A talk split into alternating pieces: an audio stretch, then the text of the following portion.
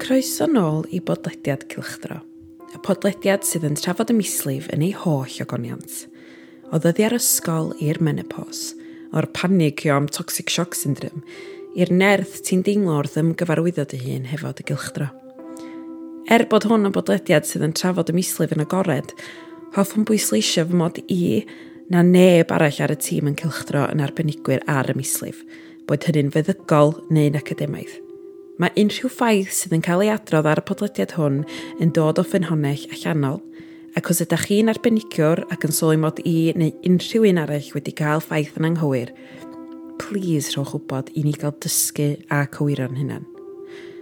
Just sgyrsia gonest efo unigolion yn profi'r mislif ydy'r rhain yn unig, a hoffwn bwysleisio mae nid dim ond merched sydd yn profi'r mislif.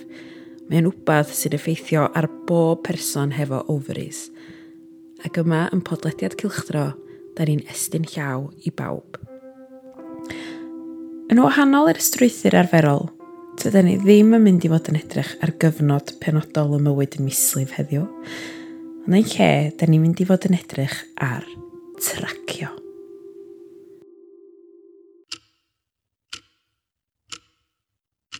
Pan o Andy Toxfig ym Mhrifysgol Caergrawnt, dangosodd ei phroffesur anthropoleg i lun o asgwrn F28 o farcian yma.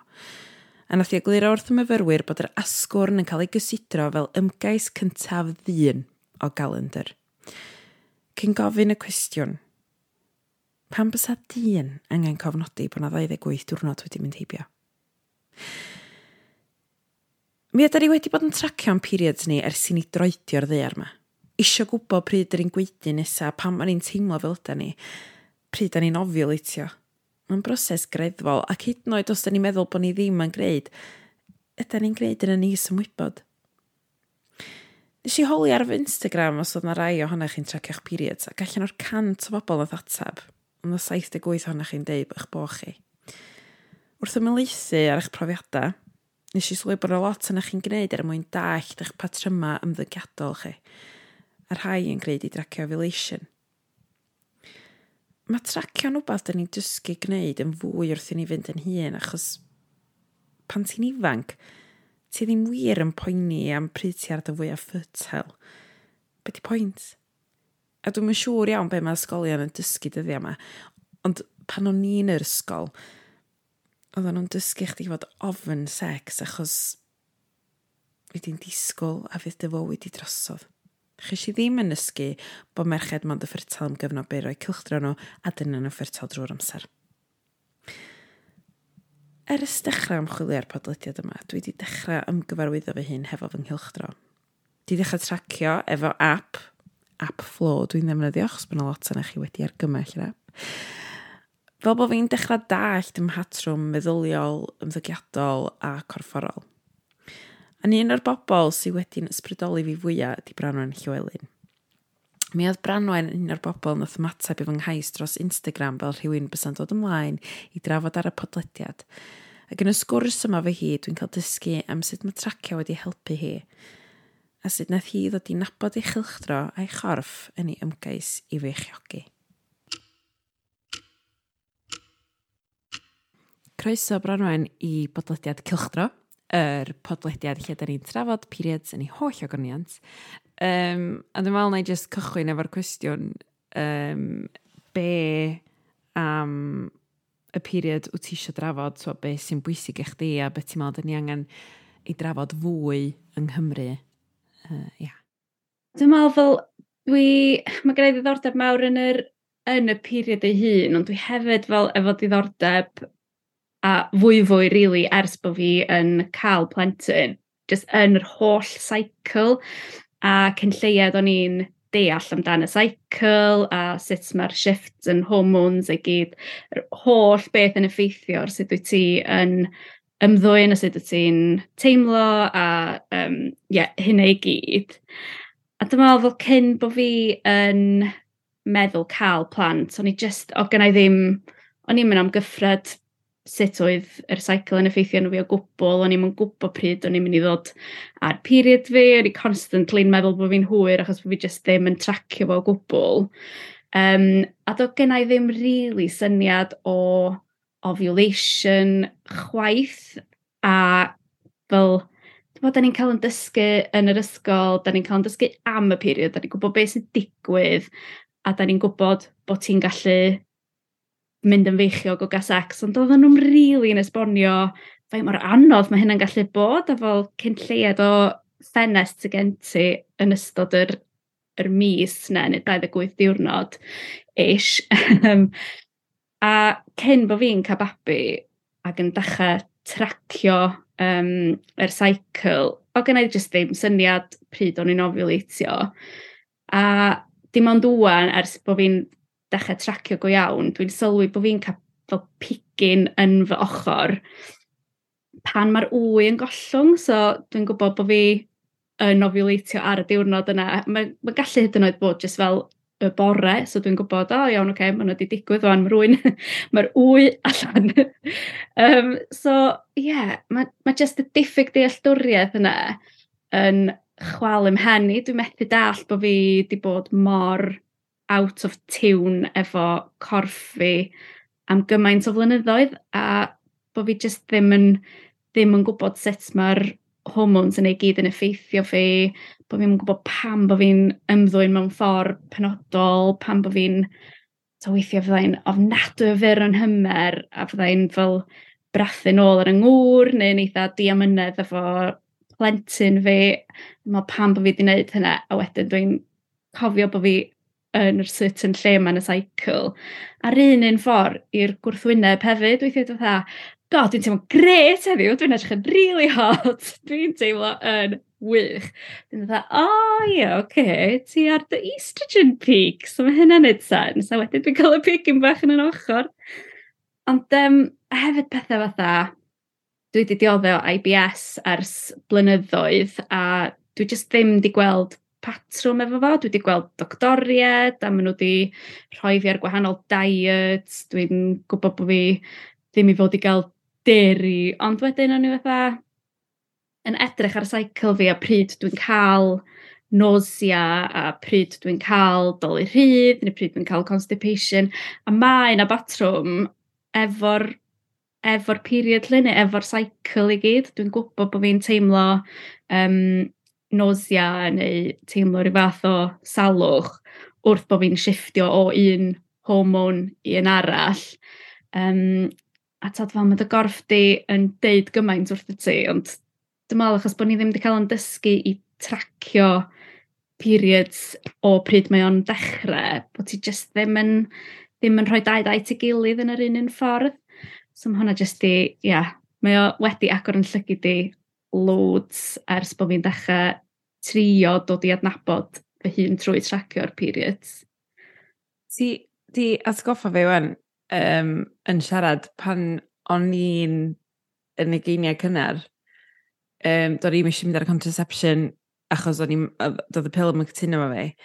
Um, a um, nes i ddechrau tracio periods fi'n defnyddio app ond ddim yn gwrando, so fel, ddim yn gwrando ar ynghorff o gwbl. So gen i'n syniad, o'n i jyst oedd yn dilyn app, a nes i ddisgyn yn, so dyna sy'n nes i gael ymhant, sy'n nes i ddisgyn yn disgwyl. Ond mae'r ffordd ti'n siarad amdano fo, mor, um, mae'n eich di swnio bod gennych di'r pwer yn dy gorff eto, ti di sort of, ti'n gwrando ar dy hun a bod chdi mewn lle fwy... Dwi'n gwybod, dydy o ddim just yn tracio ar ffôn, mae o actually yn tracio corfforol a, a ti'n gallu adnabod bod y newidiadau yn chdi dy hun. Dwi'n meddwl bod o'n anhygol bod chdi, bo chdi fel la.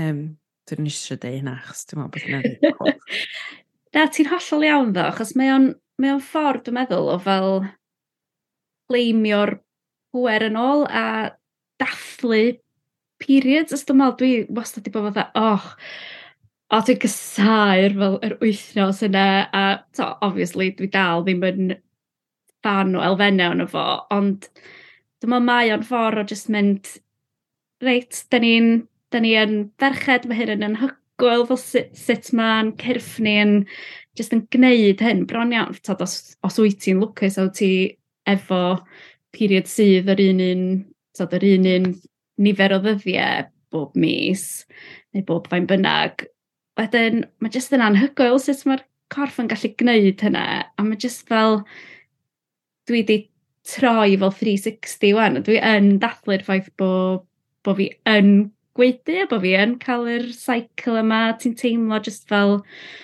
fel ti'n teimlo fwy o'r rhan o, o'r holl beth, dwi'n meddwl, ti'n definitely yn cael lot o, lot o bwer o dod i adnabod dy hun yn well. Um, A ta rhywbeth arall sy'n ni'n dweud ydy mae o'n dysgu ti fod yn garedig efo ti dy hun a um, bod, achos bod ti'n gwybod pam bod ti'n ymddwyn mewn ffordd penodol neu pam bod ti'n teimlo mewn ffordd penodol, ti'n rhoi canetad i ti dy hun deimlo fel a hefyd.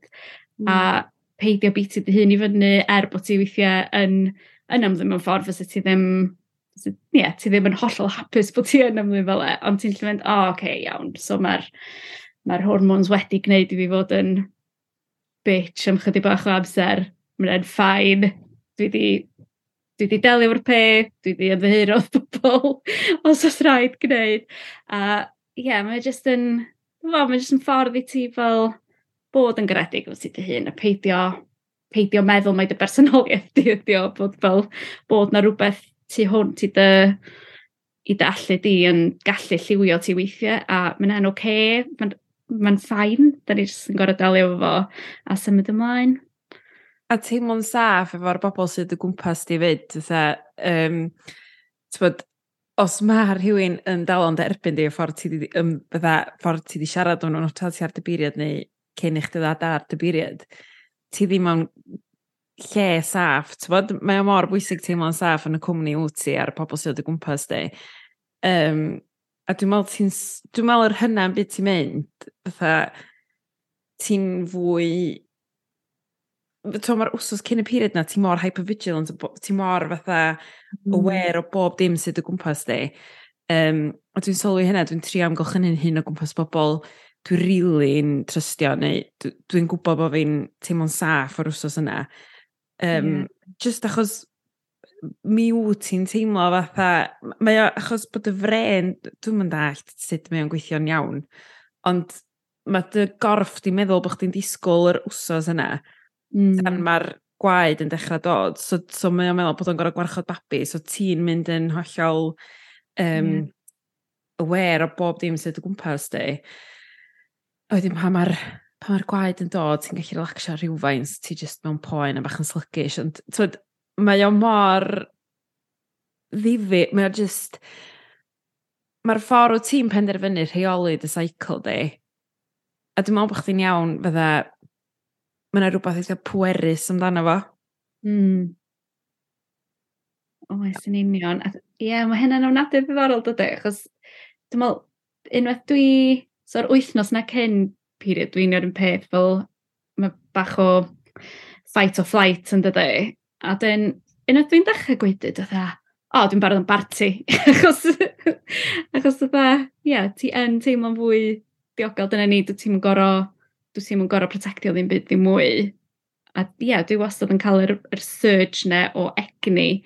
A dy hynna ddim wastad yn wir, dwi'n meddwl, ond mae'n fel y, y peth ni o adnabod ti dy hun a gwybod bod bod be bynnag wyt ti'n teimlo'n ffain hefyd, hyd yn oed os di o ddim yn dilyn rhyw fath o batrwm. Um, so ni'n darllen llyfr Period Power a ma, weithiau mae be o'n i'n darllen yn hwnna sydd fel yn, yn deimladau cyffredin pobl yn gael yn eitha gwahanol i'n mhrofiad i, a dwi'n cael chydig bach mwy o fel eisiau bod yn, yn y tŷ a ar ben fy hun fel ar ôl fi orffen goedu sydd yn anghyffredin, dwi'n meddwl.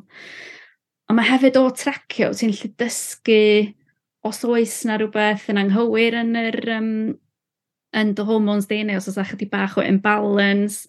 A ni ddim rili'n really deall hynna. Cynt chwaith fatha beth sydd yn beth sy'n hollol normal. As, maen nhw'n dweud ydy fel bod yr, yr period ydy pan wyt ti'n dechrau gweud go iawn. A dwi'n cael fel dim spotting, ond fatha, wel, fel brown days, dwi'n meddwl mae rhai pobl yn galw fo, so dwi'n sy'n teimlo'n, dwi'n teimlo'n afiach am dau ddiwrnod cyn, a dwi'n cael yna dau ddiwrnod cyn y gweidu, dwi'n cael gweidu am dridiau, a dyna i gael yr brown days am hir wedyn hefyd yn y period fi te. Saith, wyth diwrnod, os nad chydig bach hirach rhai diwrnodau, um, rhai misoedd, sori.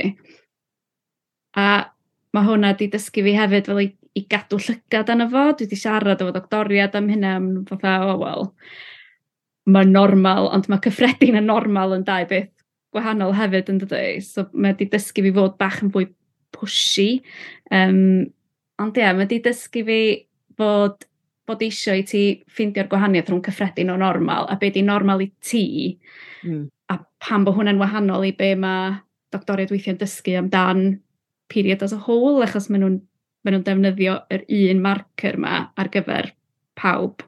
Um, a os wyt ti'n gwybod bod yna rhywbeth chdi bach yn, yn wrong, yr unig ffordd wyt ti'n lli gwneud hynny ydy ymbwered y hun drwy fel tracio beth sydd yn normal i ti.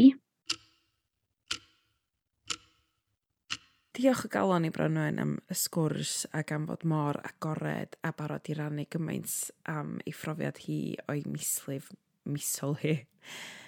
Ond un o'r pethau dwi wir eisiau edrych arno ar ôl y sgwrs na fo Branwen ydy be oedd hi'n dweud am darganfod y gwahaniaeth rhwng cyffredin a normal.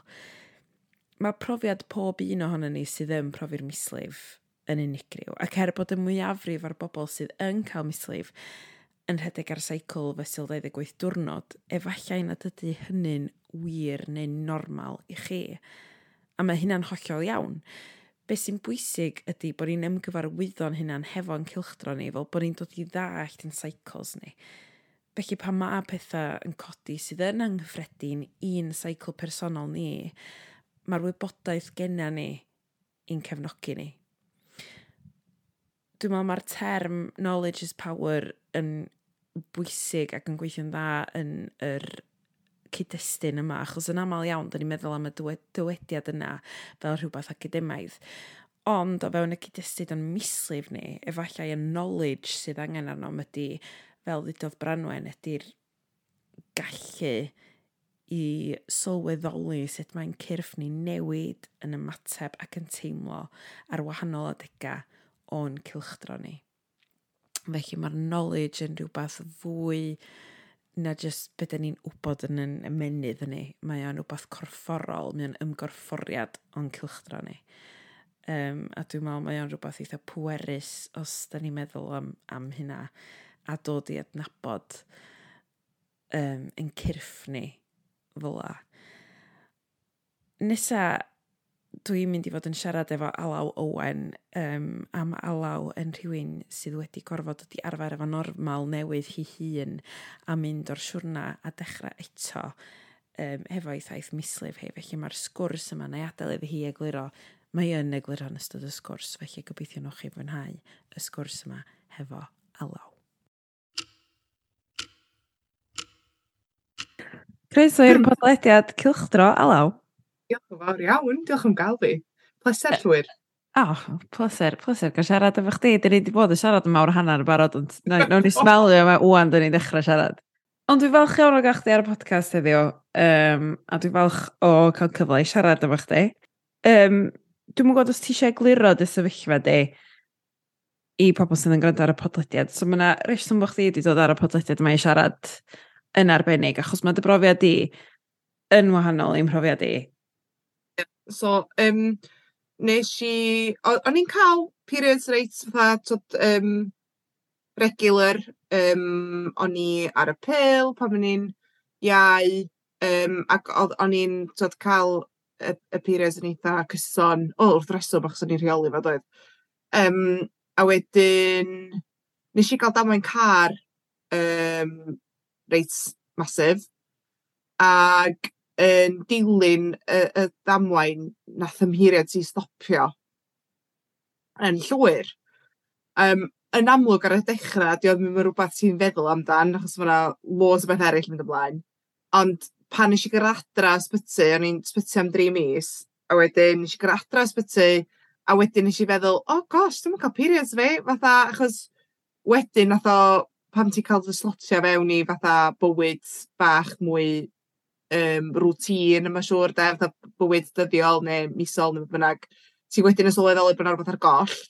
So, um, nes i sylwi bod nhw wedi stopio a, oh god, really teimlo, t'od? really teimlo, waw, ma, ma, ma 'di effeithio yng nghorffi. Ac wrth gwrs 'i fod o, tod, mae unrhyw beth t'od traumatic yn effeithio sut mae dy gorff di'n gweithio a dy periods di. Um, so nes i ddechrau, nes i nes i wneud yn byd lot amdano y peth gan obeithio fysen nhw yn ailgychwyn yn naturiol. Um, a wnaethon nhw ddim.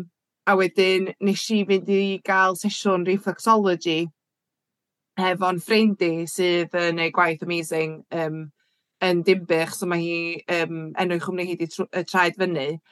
A nes i fynd ati hi ac deithi hi dwi ddim yn cael mheiriad ei, um, dwi rili really eisiau dod eisiau nhw ail ddechrau.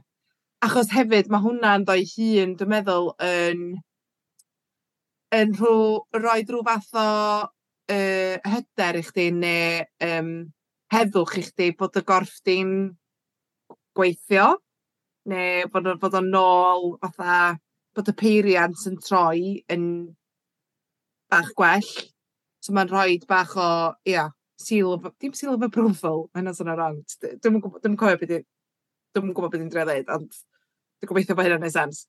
Um, ac ar ôl y sesiwn cyntaf o hi, nath nhw ail gychwyn...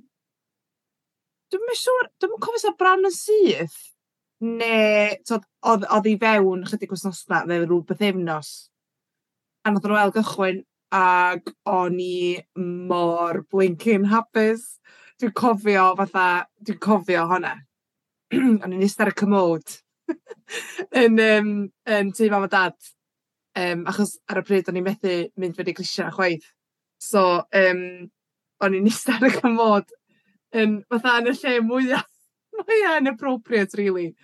Ond, um, oedd o'n, oedd, oedd dwi'n cofio bod mor hapus. A dydyn nhw, oedden nhw ddim yn gyson yn sydd bein, Ond diolch beth efo fatha yr er mynd at yy nia yn eitha cyson. Um, nath nhw fatha lefelu allan yn bach a cysoni. Um, maen nhw dal yn fluctuatio bach mwy 'wan ond um, o'n i'n deitha chdi gynnau fatha dwi dwi rwan, 'di mynd yn ôl i'r lle 'na lle fatha "o dwi'n peiriant fi. O 'sa so rhaid, so, so rhaid i fi ddod fatha weekend yma. Dwi'n dwi mynd i hyn llall ag arall" ond dwi'n atgoffa'n un hefyd pwysigrwydd t'od um, cael y achos um, pam ti ddim yn cael nhw mae o'n teimlo'n anaturiol. Sut oddach chdi'n gwybod bod reflexology yn mynd i... Lle oeddach chdi wedi darllen hynny? Dwi rioed i fatha... Mae'n gwestiwn andros o dda. Dwi'n mynd siŵr os nes i ran... Dwi'n yn cofio os nes i rannu fo hefo ni a ella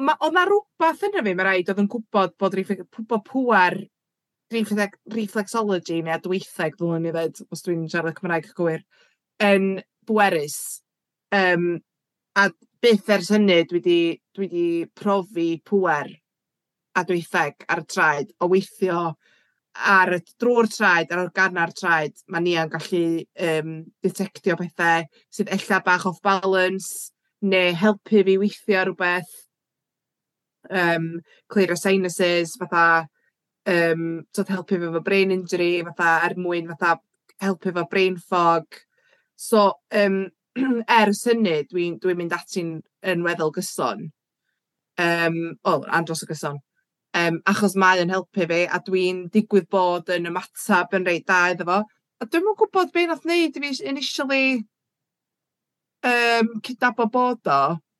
Ond dwi'n mor blinkin falch bod bo' fi wedi, a dwi'n gwybod mae hi'n hi helpu lot o bobl sydd yn t'wod yn treulon blant neu sydd yn mynd drwy um, t'od pregnancy ne' fynnag. Um, mae ma' ma' ma' 'na bobol ma' 'na lot o bobl fel 'na'n mynd ati hi hefyd Um, ond dwi'n ia dwi gwybod gwbod os ydi gweithio i bawb ond nath o yn sicir gweithio i fi.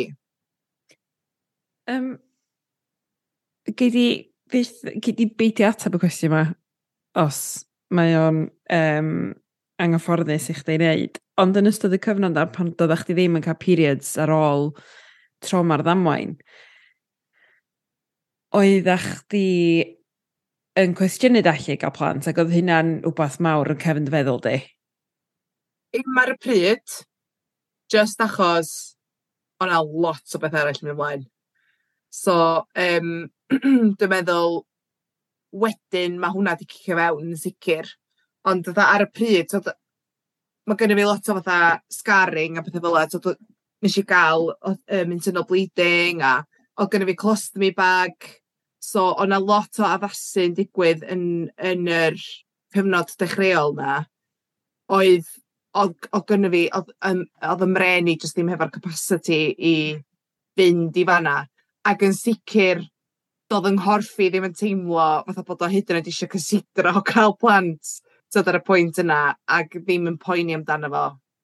Um, ond fel mae rhywun yn mynd drwy, drw broses o adferiad, wrth, dim wrth reswm, ond yn naturiol, mae hwnna'n cicio fewn, achos dwi'n gwybod os yna cymdeithas sy'n neud o, neu os yna rhywbeth yn reddwel yn chdi fel merch, mae o'n rhywbeth sydd yn dod fewn i dy is-ymwybod di fatha o ia a a t'od ma' ma' ca'l plant yn rwbath so sydd sydd yn ar feddwl rywun yn sicr. ag o'dd y cwestiwn yna nath hwnna gicio fewn ma' siŵr ychydig flynyddoedd dwetha um, achos ma' ma' ma' jyst 'di bod yn broses hir o rehab i ddeud y gwir um, be' bynnag so ma' bo- bob dim yn dod yn ei amser dydi? Um, Ond yn sicr yn ddiweddar t'od fatha mae o hwnna yn gwestiwn reit fawr yn yn meddwl rywun achos dwyt ti ddim yn gwybod be' impact ma' rwbath yn ga'l ar dy gorff di um, ac achos bob dim arall y cymhlethoda nath ddigwydd tu fewn i fi hefyd... mm. ...ma' rywun yn cwestiynu sut fath o argraff ma' 'di greu y dylanwad ma' 'di ma' 'di adal Um, ac yn hynny o beth dwi wedi t'od ca'l yym apwyntiadau yn y doctor, pethe fela i ofyn y cwestiynau ei- ag i archwilio fewn i'r peth. Nath ddim nath ddim mynd yn bell iawn o ran y doctor. Um, oedd yr ymatab yna yn reit um, deflating?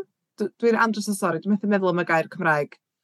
Um, just achos oedd o ddim oedd yr ymateb ddim yn gefnogol iawn o ran trio dall a um, cydymdeimlo hefo sefyllfa rywun. Tod, dwi'n berson hun, tod, oedd i fewn yr ystyriaeth o gael plant, ella. Um, ac oedd y cwestiynau ni'n holi, ond na ddim trio helpu o gwbl yn digwydd. So, oedd yr ymateb yn bach fatha, wel, ti dal yn sengl a ti dal fatha ddim hefo partner, So tan ti'n cyrraedd y pwynt yna, t'od fatha wedyn gei di gweld be sy'n digwydd. So o' 'na ddim a iawn dwi'n dwi'n cydymdeimlo a dwi'n gweld y bryder di, gad i ni weld be allwn ni ffeindio allan ne' ga ni weld be 'di dy opsiyna di i weld pa effaith ma' 'di ga'l ar ar mm. dy ovaries di ne' ar dy ar dy chances di ga'l plant. Um, So odd hwnna'n odd hwnna'n reit fatha hard hitting ma' siŵr o ran yr ymatab ne'r gefnogaeth ti'n ga'l yn gyffredinol Dwi a ellai'm deud bod hynny'n ymatab ma' pawb yn ga'l ond odd o'n sicir yn ymatab nesh i ga'l. Mm. Ond o o fod wedi bod drw hyn a e, t'wod gor'o' gwynebu ti'n byw efo'r cwestiwn a, a ti'n meddwl am y peth, ond ydy dy buriad di, wan, yn cynnig y gobaith na i chdi, bod twyd, mae nghorff i yn gweithio, a twyd... O, bedans, mae o fatha, twyd, mae gynnu fi, mae gynnu fi ffrindiau pethau, sti bod ar fatha, um, twyd, mae wedi cael hormonal implants a pethau fel e, ac wedi dod ffwr, a wedyn ddim di cael periods o gwbl wedyn t'od ma' ma' ma' 'na ma' 'na bobol sy dal 'di bod drw petha traumatic dwi'n nabod sy ddim 'di dod nôl ar periods. So wrth reswm ma' gynno fi dwi mor ddiolchgar a ma' gyn fi werthfawrogiad llwyr am yng nghorff ag am i'w allu fo i bownsio nôl ag i fatha i i i ga'l y cogs 'na'n troi eto yn a- yn y peiriant sydd yn yn rhoid fatha yr heddwch 'na i chdi oce o'n ma' petha'n digwydd fel mae o fod yn naturiol. Yy ac yndi yn hynny o beth wrth gwrs bod o'n rhoi drwy fath o obaith i chdi ti ddim ti ond ti ddim yn gwybod na nagwyt tan ti'n cyrraedd y sefyllfaoedd yna a dwi yn grediniwr yn trio rheoli be' bynnag sy'n gallu rheoli um, o fewn dy fy sefyllfa di ar y pwynt yma. Um, ac yn hynny o beth so, da, dwi rili isio mynd fewn i ddeall bach mwy amdan um, yr hormonau a be' mae dy gorff di angen ar gwahanol bwynt o dy cycle di er mwyn rhoi dy tsians gorau 'na dy gorff di achos dydi o ddim yn rhywbeth sy'n cael ei addysgu chdi o gwbl. Mae bron bod o o mae o'n mae o'n disgyn yn gyfrifoldeb arna chdi i fynd allan i wneud y gwaith ymchwil ac i ddysgu dy hun dydy'r wybodaeth yna ddim yn cael ei roid i chdi o gwbl a mae yna gymaint o ledd efo. Um, so, da ni wedi bod siarad o blaen amdan y llyfr um, Period Power gan Matie Hill Mae hwnna'n bendant rhywbeth dwi rili isio ed- yym edrych ar a ac ei ddarllan achos dwi'n meddwl pam ti'n gallu ffeindio allan sut ti'n gallu byw dy fywyd ac aleinio hwnna dy dy gylched misol di hefo dy fywyd dyddiol di a beth ti'n gallu bwydo i dy gorff ac i gwrando ar beth mae dy gorff di angan ar gwahanol adegau o'r mis, pam, fydda pam da ni'n mynd fydda pam da ni'n mynd cael yn addysgu wneud hynna da fel merched. Mae yna fwy amdano fo wwan yn sicr, tod, a dy fi'n am y col wneud um, rhaglen y ddiweddar do, um, tod, oedd yn siarad am y, ma y math yma beth, ond mwy na'n byd am contraception a beth oedd hwnna, ond gos, mae o'n neud chdi feddwl, pam, pam da ni'n pam da ni'n gwybod be, be da ni i fwydo i'n cyrff er mwyn iddo fo berfformio ar ei orau o fus i fus a fatha y newidiadau mae'n cyrff ni'n mynd drwy. Achos maen nhw'n huge, dydy. So, y llyfr na, oedd, mae hwnna'n rhywbeth mor sylfaenol a fatha hada ti'n rhoi, ti'n bita o fewn dy ddeiet di. Mae hyd yn oed, just fatha, just hada fel food group. Mae yna gwahanol hada apparently ti yn gallu bita ar gwahanol adega o dy cycle di sydd yn fuddiol i ac yn sydd yn utilisio be' bynnag mae dy gorff di angen ar y pwynt yna'r mis. Just efo hada. So hmm. fatha mae ma' hwnna yn chwalu pen fi o ran fel gosh os 'di hynna just ar gyfer yr un grŵp yna neu'r math yna fwyd mae yna gymaint mwy da ni'n gallu neud. Um, ac a gymaint fatha yr ymwybyddiaeth 'na dwi'n meddwl fatha o ran oedden ni siarad gynnad oedd am fatha be' i bidio wneud i dy gorff be' a be' i wneud i dy gorff a be' i bidio wneud hefyd. So faint i bwysio, faint i bidio pwsio bidio roed y pressure 'na ar un un, achos ar ddiwedd dydd mae dy gorff di'n deud rhywbeth am reswm a mae hwnna yn dylanwadu ar dy ar dy periods di. Ma' 'na Mae'n reswm pan fod y beirus ti'n stopio pan ti'n pa stressed. Mm. So, pan ti'n hmm. ti o dan bwysau neu rhywbeth. Mae o yn effeithio dy, dy holl gorff di, dydy. Yndi, mae o. Mae hynna'n holl o wir. Holl o wir. Um, Te, da ni'n neud o, dwi'n gwybod. Oedd o ran, achos mae yna gymaint, mae yna gymaint i ddysgu, does? A mae yna gymaint o ddalfynu dwi angen neud yn sicr o, yn hynny o beth. A um, mae yna gymaint o wybodaeth allan, allan amdano fo, be, be, especially fath o diet, a bethau fel be i bita, be ddim bita, a fath so, mae yna ffad fel fatha fasting a pethau mynd ymlaen o'n, um, ag apparently ti'n mynd fod i ffastio o fewn rhyw ffenest penodol dy periods di. So dydy hynna o fewn hyd yn oed fatha'r yr wybodaeth yna sy'n cael ei daflu allan.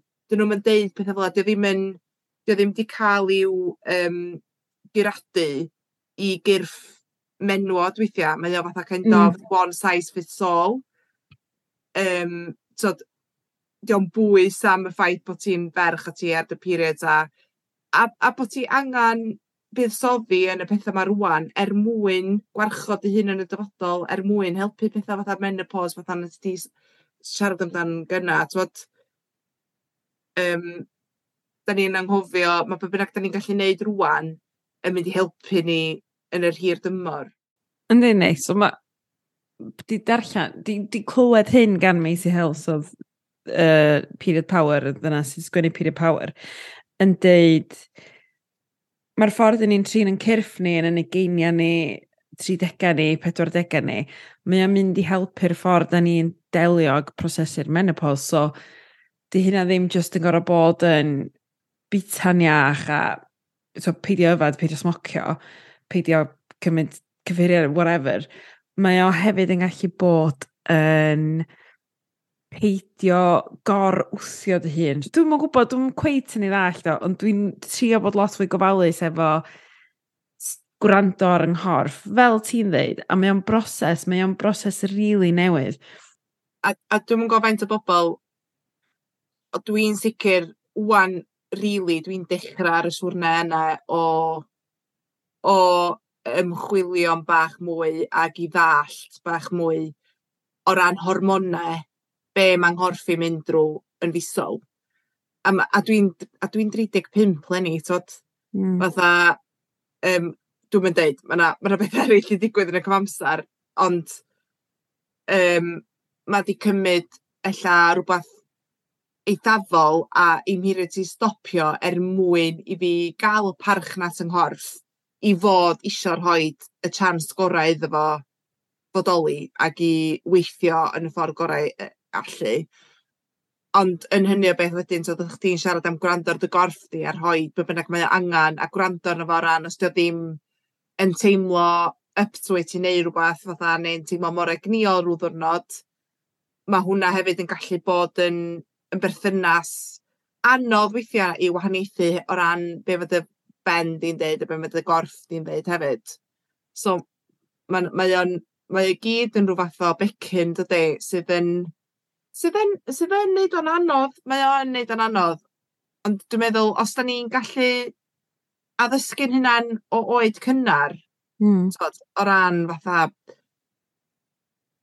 be, be, be di'r signals a be be dyn ni angen rhoi i'n cyrff, a sut mae o'n gweithio, a pa deg o'r mis da ni'n mynd i deimlo rhyw certain ffordd. Achos cemega, dyn nhw, maen nhw'n ma nhw maen nhw'n ymateb, tod, maen ma siw bod o'n eitha rŵtín, dydy, really, dod o fewn yn cyrff. A hands up, tod, dydw i ddim yn dall, dwi'n siarad yn eitha amhwys amdano fo, achos bod fi ddim yn dall yn y tegrity'n iawn, eto, dwi just ar ddechrau'r siwrne yna wan, really. Mm. Yym ond os t'o' ma' gynno fi lot o waith dal fyny i neud rili ond os da ni'n gallu cychwyn hwnna'n eitha cynnar yn y broses a a pam dydi'r ysgolion ddim yn gallu a a dwi ddim yn rhoi bai ar ysgolion dwi ddim yn So, mae'n ma' dod fewn i rieni mae'n dod fewn i social media mae'n bob dim o oed eitha cynnar fel bod o'n reddfol ac yn... Yndi. ...yn instinct yn ni So, so hwnna'n sa hwnna'n anhygoel yn bysa.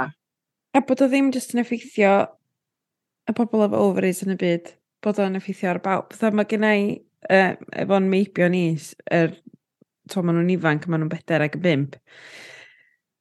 Mae fy mab hynna, mi o'n dall bach mwy o'r fytha, mae o'n fwy o mwybodol o emosiynau bobl, a mae'n gallu deud, so dwi yn mynd yn flin pan dwi ar ymhiriad i a dwi'n fwy upset a dwi just, weithiau dwi'n snapio. A dwi wedi gorau egluro wrtho fo, dwi mor sori, mae hyn yn digwydd, mae mam yn cael poen bol unwaith y mis, a mae'r mae poen bol mam, mae o'n effeithio ar meddwl mam, a mae mam yn mynd bach yn flin pan mae'n digwydd, a dwi'n methu rheoli fo, dwi'n trio, ond weithiau dwi'n snapio, a dim bai chdi dio, just dyna sut mae'n nghorff i'n ymateb. A nath o droi at fi un diwrnod, pan o'n i ar ymheirio di, nes i snapio arno fo, nath o just mynd, hmm, mam, di, di'n amser poen bol chdi, ti'n meddwl? Oedd hi yn amser poen bol fi, ac o'n i fydda, oh my god, yndi mai, o, mam, poen bol i dal yna. Cwestiwn ydy iawn. So, ydy, os oes dda, os oes ydy, fatha, dy wr di, neu fatha, rwy'n arall, fatha, oedolyn yn gofyn hynna chdi wan iawn, fatha, fysa ti wedi cymryd ar un ffordd? Na, swn, swn i heb swn i di deithio nhw, o mae, wyt ti'n serious bod chdi'n ei mewn yeah. cwestiwn ar fi? Ond dwi'n meddwl achos bod o'n trio prosesu pam bo fi'n... Yeah, briliant, da. Bo fi di egluro wrtho fo. Achos dwi, dwi ddim eisiau dwi ddim eisiau mhlant i dyfu fyny yn meddwl, mam mam yn absolutely nuts. Un wsos oedd hi'n hollol lyflu ac oedd hi'n ffain, a wedyn oedd hi jyst yn troi fewn i nytar demon mam fatha lle oedd hi just eisiau llnau bob dim ac oedd hi'n gweiddi ar pawb yn yr ef helpu i wneud gwaith tu. A dda, dwi ddim eisiau nhw dyfu fyny yn meddwl amdano fi, fatha dwi eisiau nhw ddallt ta just mae o'n digwydd, does gen i ddim rheolaeth drosto fo, dwi'n really sorry pa mae o'n digwydd. A bod o'n rhan, sgwni os da ni'n gallu cysidro nhw fatha, dod, yr ymateb corfforol sy'n digwydd i fod ar yn periods yn fatha bron yn rhinweddau, so fatha un cymeriad ni, sgwrs os 'dan ni'n gallu cysidro nhw fel yna o ran bod o'n rhan o dy make-up di o be' sy'n neud chdi yn chdi achos da ni gyd yn ymateb iddyn nhw mewn ffyrdd gwahanol dydan ar adega gwahanol o'r mis. So fatha t'od mae o ma' bron yn estyniad wel ma'n rhan o pwy wt ti fatha mm. ydy o'n sgwn i os neith o gyrradd pwynt Dwi'n gwybod, da ni ddim cweit yna o ran rhinweddau chwaith o ran, o ran personolaethau bobl, a da ni'n mynd ystyried hynna fatha um, pethau ella sy'n dynodi person, ond ia, dwi'n gwybod. Dwi'n hollol, na, dwi'n cytuno fo chdi, a dwi'n meddwl bod yn rhywbeth, really, achos man, pam bod ni'n, pam bod ni'n jyst yn mynd, o ia, dyna sy'n digwydd i fi unwaith y mis, dwi'n troi fewn i, bera, pam i'n perchnogi hynna? Ia. Yeah. A ella, wyt ti'n gwybod bod hynna'n mynd i ddigwydd eich di, bod chdi allan gallu channelio'r egni yna, yn hytrach na bod o'n rhywbeth negyddol sydd yn effeithio ar y pobl sydd yn deud y peth rong i chdi yn ystod yr wsos yna. Yeah. Bo chdi'n gallu channelio fo i fod yn rhywbeth fwy... Dwi'n mynd i fod yn fwy assertif efo ngwaith i yr wsos yma. Yeah. A bod ti bron yn fatha yn um, cydlynu dy amserlen di, fatha misol di o gwmpas be' ti'n gwybod fydd dy egni di neu be' fydd dy mood di neu be' bynnag ar yr adeg yna achos alla bod hyn yn contra- contradictio ac alla fysa 'na lot o bobol ddim yn licio neu lot o ferched yn licio fi'n deud hyn alla, a mae groeso chdi cytio allan ond dydw chwaith fatha eisiau cyrraedd pwynt lle dwi'n dim defnyddio fo fatha esgus... mm. ...ond fatha mynd um, ia defnyddio fo fatha bron fel... Chos mae, mae o'n reswm, dydy? So, mae, mae, dyna chemically sy'n digwydd dy gordi, dyna o ran fatha hormonau, mae o'n digwydd i chdi. Ond dwi'n chwaith eisiau mynd, ddim eisiau fod o drasodd i bobl eraill, bod fi'n defnyddio fo fel fatha... Dy hynna'n neud syniad? Dwi'n cael dy hynna? Uh, wait. A chryso. Um, dwi'n meddwl, be, wait, mae beth ti'n neud yn gynnu sens o ran dylia bod ni Dyn ni'n gwybod bod o'n di ddigwydd, dyn ni'n gwybod beth sy'n digwydd i ni bob mis, dyn ni'n gwybod sut dyn ni'n ymateb i fo, neu ti'n dechrau dod i arfer efo sut ti'n ymateb i fo. Dim bod chdi'n defnyddio fatha esgus, bod chdi'n bod yn eitha yn apologetic am y peth, bod chdi'n bod yeah. fatha, just dyma sydd ydw i, ddim yeah. esgusio, dyma sydd ydw i. Yeah. Ia. Hwna di o. A mae hynna'n dod nôl at y ffordd o'ch ti'n deud fatha, bod o'n dod y ran o dy bersonoliaeth ddim yn dod y ran o pwy wyt ti. A mae hynna'n dangos i bwer o dydy, ti'n feddwl? Mae yn dangos fatha bwer y corff a'r ffordd mae'n dylanwadu a'r ffordd ni'n byw yn bywydau. Da, so, da ni'n mynd i'r cyfeiriad iawn o ran yr gwarchodaeth na i roi yr hyder i ni allu ac i siarad amdano fo'n agored, achos mae yn, mae yn rhywbeth hollol naturiol sydd yn golygu bod yn cyrff ni'n gweithio. Mm. So, a mae hynna, mae hynna'n, alla, mae hynna'n neud fi, alla i backtrackio fan'na bach, achos dwi'n llwyr ymwybodol bod yna bobl, bod yna ferched sydd isio cael eu periods, ond sy'n nhw ddim a bod nhw ddim yn cael appearance am be bynnag reswm. Um, a dod, dydy, dydy, dydy hynny ddim yn achos i pawb, ond um, yn yn achos i, dod yna, o'n i'n, o'n i'n, mae hwnna'n rhoi fatha nod fatha o ran, oce, okay, mae ma dy gorff di'n gweithio fel mae fod. Um, a dwi, dwi wedi cyrraedd pwynt wan, dwi'n meddwl, lle dwi just uh, eisiau dysgu wan. Mm dwi eisiau dysgu am be' be' s- be' yn union mae nghorff i angen. a mae hwnna eto wahanol i pawb er mwyn rhoi uh, y buddsoddi amser ac ymdrech i, i alluogi i'r peiriant yma weithio i orau allu. Diolch fawr iawn i Alaw am y sgwrs ac am fod mor ddoeth um, bob tro dwi'n siarad efo alaw neu yn gwylio alaw yn siarad neu, neu gweithdau i pethau yn ystod ben um, alaw yn neud dwi wastad yn um, cael yn amsugno fewn i bob dim sgen i ddeud achos mae hi'n un o'r bobl na mae'n mae ei gymaint o waith ymchwil um, am bob dim mae'n ddeud a ia, yeah, dwi jyst chydig bach yn obsessed efo ar ffordd mae'n siarad felly gweithio bod chi wedi mwynhau y sgwrs na gymaint a nes i. Um, so rwy'n hoffi diolch eto hefyd i Branwen Llywelyn am ddod ymlaen a siarad a sôn am ei phrofiad hi am dracio. Um, mae nath Branwen rili, really, dwi wedi siarad, nath, nes i a Branwen recordio'r podledydd mam yn gilydd misodd yn ôl. Um, ond dwi wedi bod yn ail rando wrth olygu'r podlediad yma ar y sgwrs na o Branwen a pob tro dwi'n gwrando arno fo dwi'n teimlo dwi'n dysgu rhywbeth bach fwy newydd amdan tracio a mae hi yn neud i fi deimlo fatha bod fi'n bod, gen, bod y rheolaeth gennau i um, dros yng nghorff achos trwy ddod i'n abod yng Nghylchdro a tracio mae'r pŵar gen i wedyn. Um, felly diolch Branwen am nid yn unig am siarad mor wych a bod mor ddoeth, ond am ysbrydoli, gobeithio mae wedi ysbrydoli chi gymaint y mae wedi ysbrydoli fi. Diolch hefyd i bob un o'n chi sydd wedi cysylltu yn ateb fy mhols i'r tracio, ond hefyd yr rhai o'n chi sydd wedi um, siarad efo fi'n agored amdan pam bod chi'n tracio.